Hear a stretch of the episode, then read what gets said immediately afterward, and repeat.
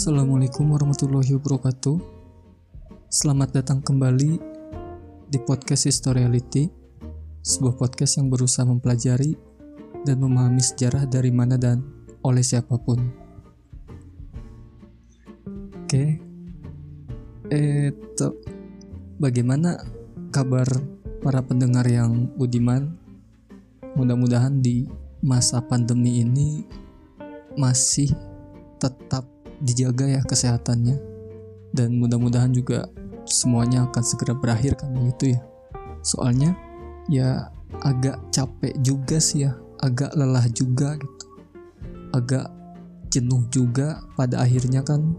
Kita di rumah terus juga jenuh. Kerja di rumah juga jenuh. Sekolah di rumah juga jenuh. Jadi mudah-mudahan pandemi ini segera berakhir dan semua aktivitas yang biasa kita lakukan juga bisa kembali dengan normal. Oh iya, ngomong-ngomong soal sekolah, sekolah online ya maksudku, gimana nih belajar sejarahnya? Menjadi lebih menyenangkan atau justru lebih tidak menyenangkan begitu? Karena beban tugas dan lain sebagainya misalkan. Aku sih mau sharing aja ya, mau berbagi. Tapi kadang ya ngomong soal pelajaran sejarah tuh gak tahu kenapa. Tuh dirasa jenuh, membosankan.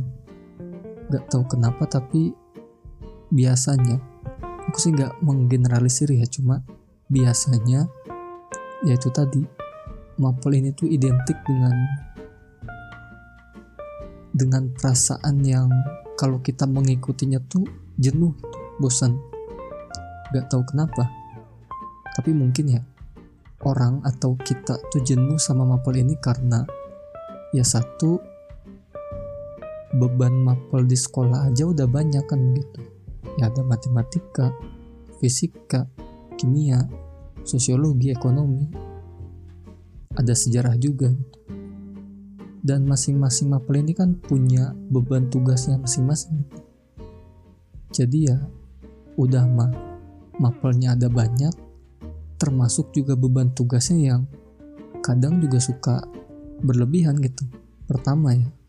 Kemudian yang kedua, kadang juga nih pelajaran sejarah tuh identik mungkin ya atau menuntut untuk kita tuh bisa menghafal ya menghafal nama menghafal tokoh menghafal tempat termasuk menghafal waktu peristiwa sejarah ini kapan dan di mana terjadinya gitu. Jadi kita tuh dituntut dituntut agar atau untuk bisa hafal di luar kepala ini kejadiannya tanggal berapa, bulan berapa, tahun berapa, siapa saja yang terlibat kan begitu ya. Dan mungkin dengan alasan itulah kemudian setiap dari kita tuh ya merasa bosan sama mapel ini kan begitu. Cuman ya bagiku kalau kalau hafalan itu membuat kita bosan dan jenuh sehingga pada akhirnya gak suka sama mapel sejarah itu gimana ya? Freak gitu.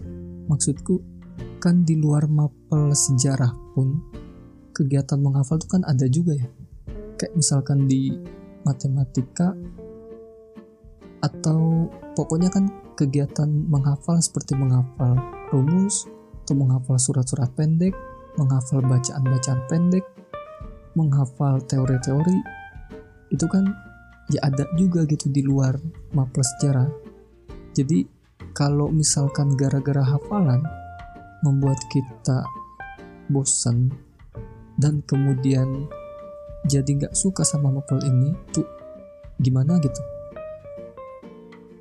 Apakah mungkin ya apakah dengan muatan hafalan dalam mapel sejarah yang tentang tokoh-tokoh kemudian waktu kejadian tempat kejadian dan lain sebagainya itu terkesan jauh kepentingannya untuk kita atau jauh dari kegunaannya untuk kita sehingga dalam pikiran kita tuh tercipta asumsi ini sebetulnya pelajaran tuh penting apa enggak sih?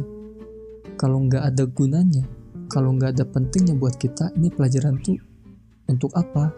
Mungkin ada ya dalam pikiran kita terbesit kayak gitu.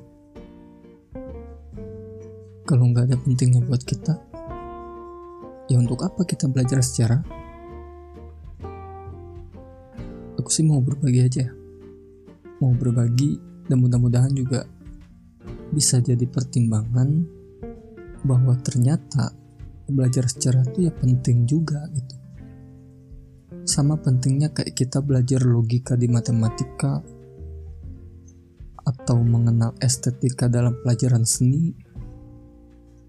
Pertama ya cuman kayaknya juga mesti ada yang diluruskan dulu gitu maksudku belajar sejarah itu sebetulnya bukan sekedar hafalan atau tuntutan untuk kita tuh mengetahui kalau dulu ada peristiwa apa dengan kata lain ya belajar sejarah itu bukan hanya menyoal tentang what, dulu ada peristiwa apa, where, di mana peristiwa itu, atau when, kapan peristiwa itu.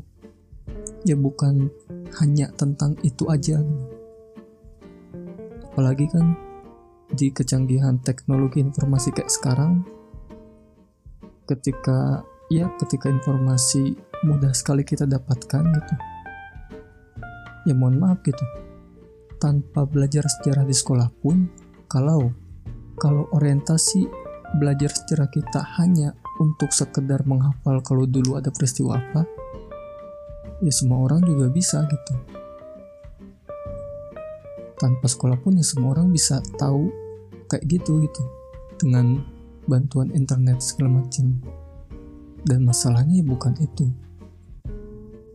Bahwa hafalan atau ingatan tentang what, where, dan when dalam belajar sejarah itu penting, ya.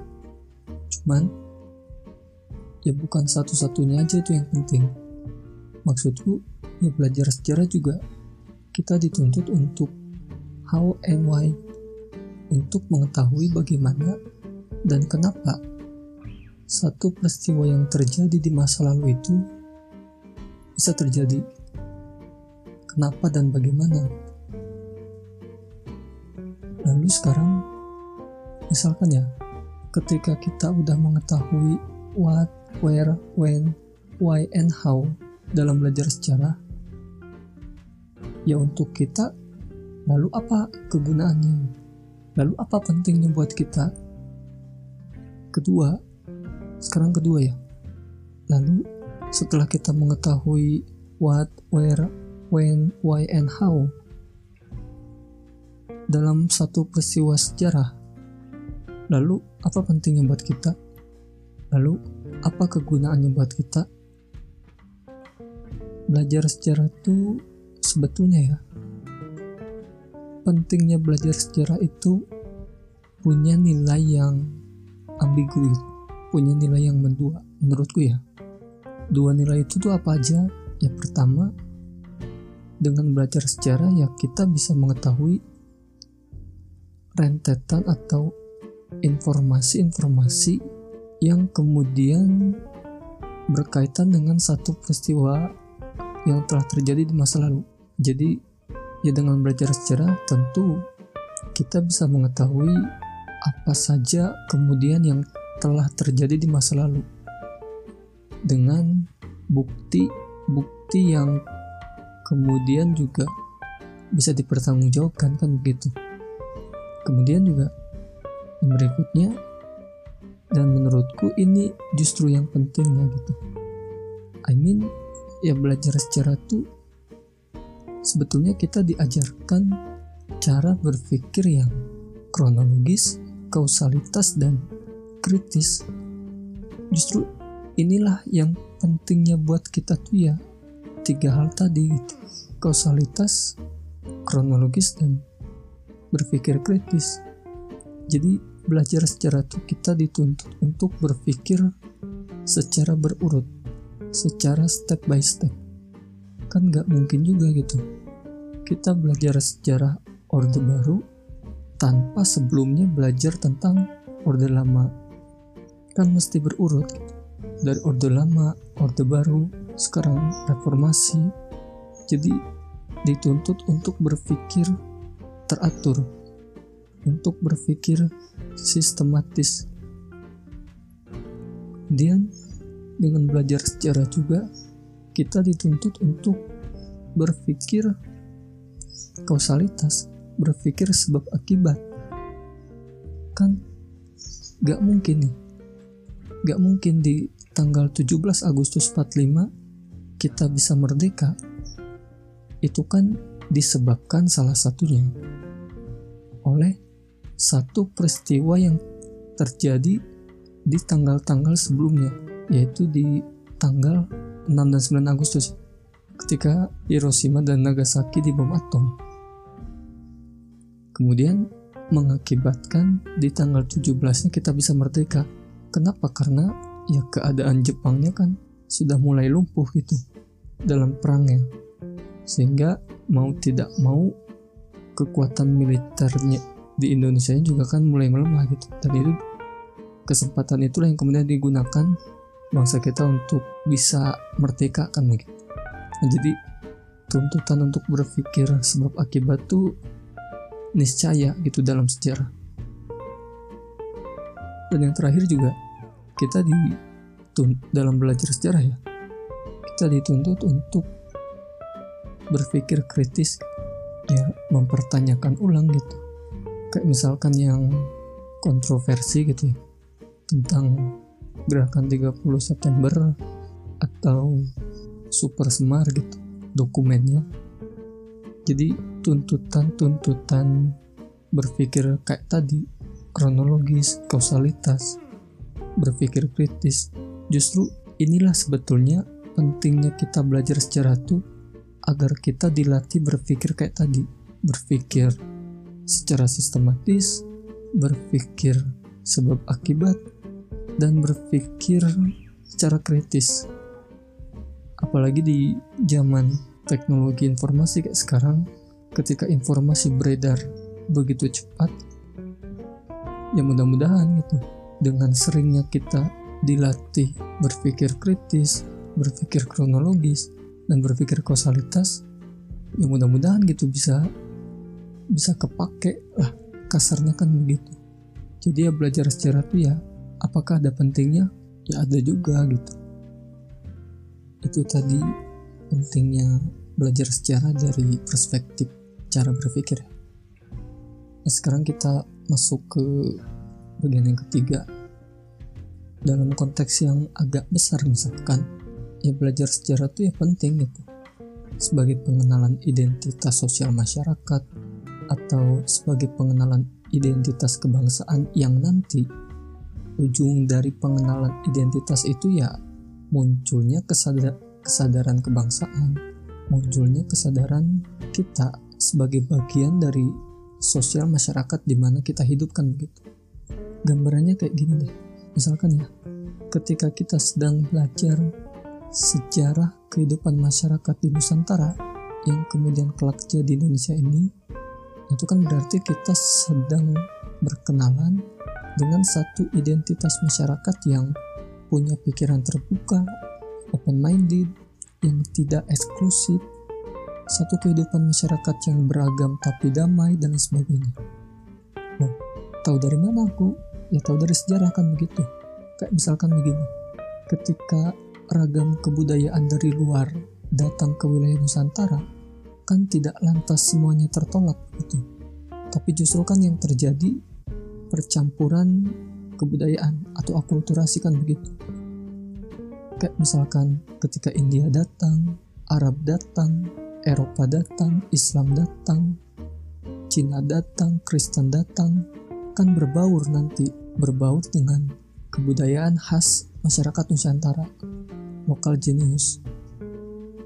Nah, ini kan berarti mengindikasikan ketika kita sedang belajar sejarah masyarakat di Nusantara, nah maka ya kita sedang berusaha berkenalan dengan satu kehidupan masyarakat yang yang terbuka gitu, yang open minded, yang tidak eksklusif.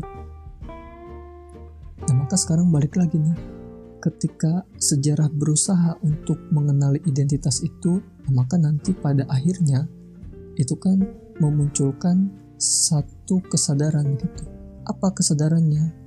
Ya kesadarannya kalau misalkan mengambil dalam konteks dalam konteks tadi dalam konteks sejarah masyarakat di Kepulauan Nusantara, maka nanti kesadaran yang muncul harapannya ya, yaitu munculnya satu satu perasaan atau ya satu kesadaran untuk kemudian kita bisa hidup damai gitu.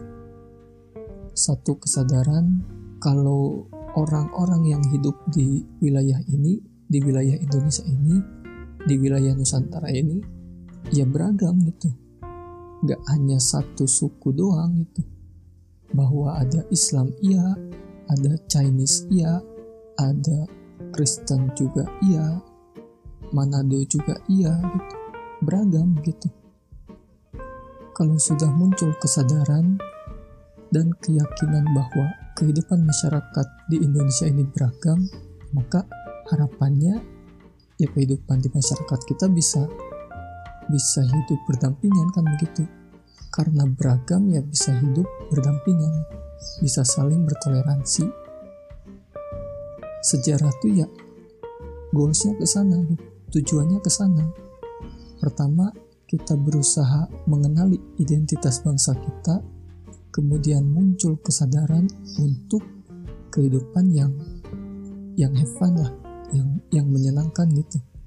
Yang tidak saling sikut dikit tersinggung segala macamnya. Pokoknya untuk kehidupan yang yang lebih baik kan gitu. Tadi kita ngomong soal sejarah dan kepentingan-kepentingannya itu kan dalam konteks hidup berbangsa dan bernegara ya.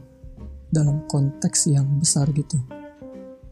Ya sebetulnya bicara soal kepentingan-kepentingan sejarah itu ya ada juga gitu dalam hal-hal yang kecil. Dalam hal atau peristiwa sejarah yang pernah kita alami gitu. Jadi kalau misalkan ada yang nyeletuk capek ah bosan ah belajar sejarah tuh tentang masa lalu terus ya berarti dia itu atau kita itu mungkin ya belum sampai ke tahap level berikutnya. Karena goals dari pelajaran sejarah itu ya tadi munculnya satu kesadaran gitu. Kesadaran untuk kehidupan kita di masa sekarang atau justru kehidupan di masa depan yang lebih baik lagi. Baik ya udah agak panjang lebar kita ngomong soal pelajaran sejarah kejenuhan sejarah, termasuk juga kepentingan sejarah, tapi juga sebagai penutup ya, aku juga mesti sadar sih kalau interest atau ketertarikan kita sama pelajaran sejarah itu ya terlepas ya, terlepas betapapun pentingnya sejarah, ya pasti juga dipengaruhi oleh kayak misalkan pembawaan dari gurunya sendiri atau misalkan dipengaruhi juga oleh beban tugas yang kadang berlebihan itu. Dan diakui atau tidak, ya tidak semua mata pelajaran sejarah itu dibawakan secara unik, dibawakan secara menyenangkan, dibawa secara menarik. Tapi dah ya kalau bicara soal selera, ya valid no debat gitu ya tiap-tiap orang punya seleranya sendiri gitu. Menurut dia menarik, ya mungkin menurut orang lain enggak ya itu kan soal-soal lainnya. Cuma ya mudah-mudahan dengan berbaginya kita informasi tadi bisa menghilangkan asumsi dalam pikiran kita kalau pelajaran sejarah itu nggak penting. Ya minimal itu dulu deh. Bahwa kemudian kita nggak senang sama sejarah ya itu lain soal ya. Tapi paling tidak asumsi kalau sejarah itu pelajaran yang nggak penting nggak dulu deh. Baik terima kasih sudah mendengarkan Mudah-mudahan bisa memberikan manfaat. Terima kasih tetap jaga kesehatan di masa pandemi ini. Assalamualaikum warahmatullahi wabarakatuh.